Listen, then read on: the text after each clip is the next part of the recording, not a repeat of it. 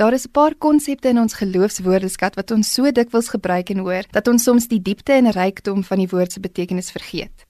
Een van daardie woorde is waarskynlik vryheid. Vir my 3-jarige dogtertjie beteken vryheid om nie in 'n tronk toegesluit te wees nie. Dit laat my wonder, as ek nou vry is, hoe het my tronk gelyk? In Galasiërs 4 van vers 4 tot 7 word die konsep van slawerny gebruik om hierdie vasgevangenheid te beskryf. Ons sien daarteenoor dat ware vryheid iets te doen het met in verhouding met God leef. Maar toe die tyd wat God daarvoor bepaal het aangebreek het, het hy sy seun gestuur.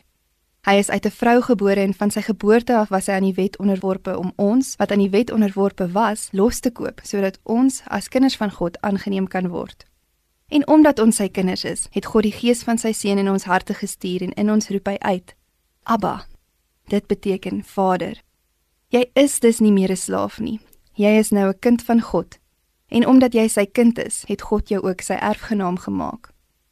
Kan jy jou indink hoe verlig 'n slaaf sou voel wat nou nie net vry is nie, maar as kind aangeneem word, wat iets kan erf, wat status het in 'n gesin, wat mag kies, wat mag geniet om te leef? Hoe sou jy voel na jare se slawerny? Ons is ook vrygemaak van slawerny. Die tronk waarvan ons vrygemaak is, het te doen daarmee om onderworpe te wees aan 'n baas wat nie God is nie en nie vir ons keuses gee nie. Die baas is sonde eie ekkigheid, wêreldse dinge, opinies van ander, reëls en regulasies wat my keer om vir God raak te sien. Ons elkeen se tronk kan dus effe anders lyk. En die jammerte is dat ons elkeen soms uit vrye wil terugkeer na 'n tronk wat se deur oop staan. Ons sit in 'n tronkkamer wat deur Jesus oopgesluit is omdat ons nie ons identiteit as kinders van God voluit aanneem en leef nie. Ek het so rukkie terug vir elke dag 'n spesifieke gebed herhaal. Here, Gee my die genade om te waardeer dat U liefde my vrygekoop het en help my om te verstaan wat hierdie vryheid beteken. Hierdie woorde het in my hart geroer.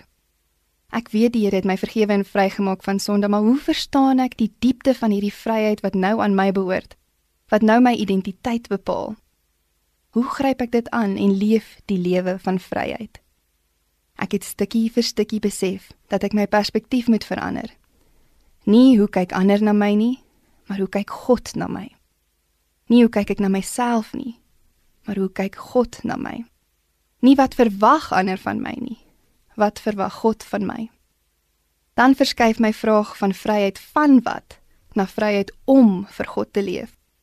Om hom te geniet, om te waardeer wat hy gee, om te floreer ten spyte van moeilike tye. Sit jy in 'n tronkkamer met 'n hek wat waalwyd oop staan, jou eie unieke vasgevangenheid wat jou keer om die lewe van vryheid te geniet? Dan nooi ek jou om vir God te vra om die vryheid wat hy jou bied te verstaan en te integreer in jou hele menswees. Mag jy die lewe van 'n geliefde kind van God leef. Amen.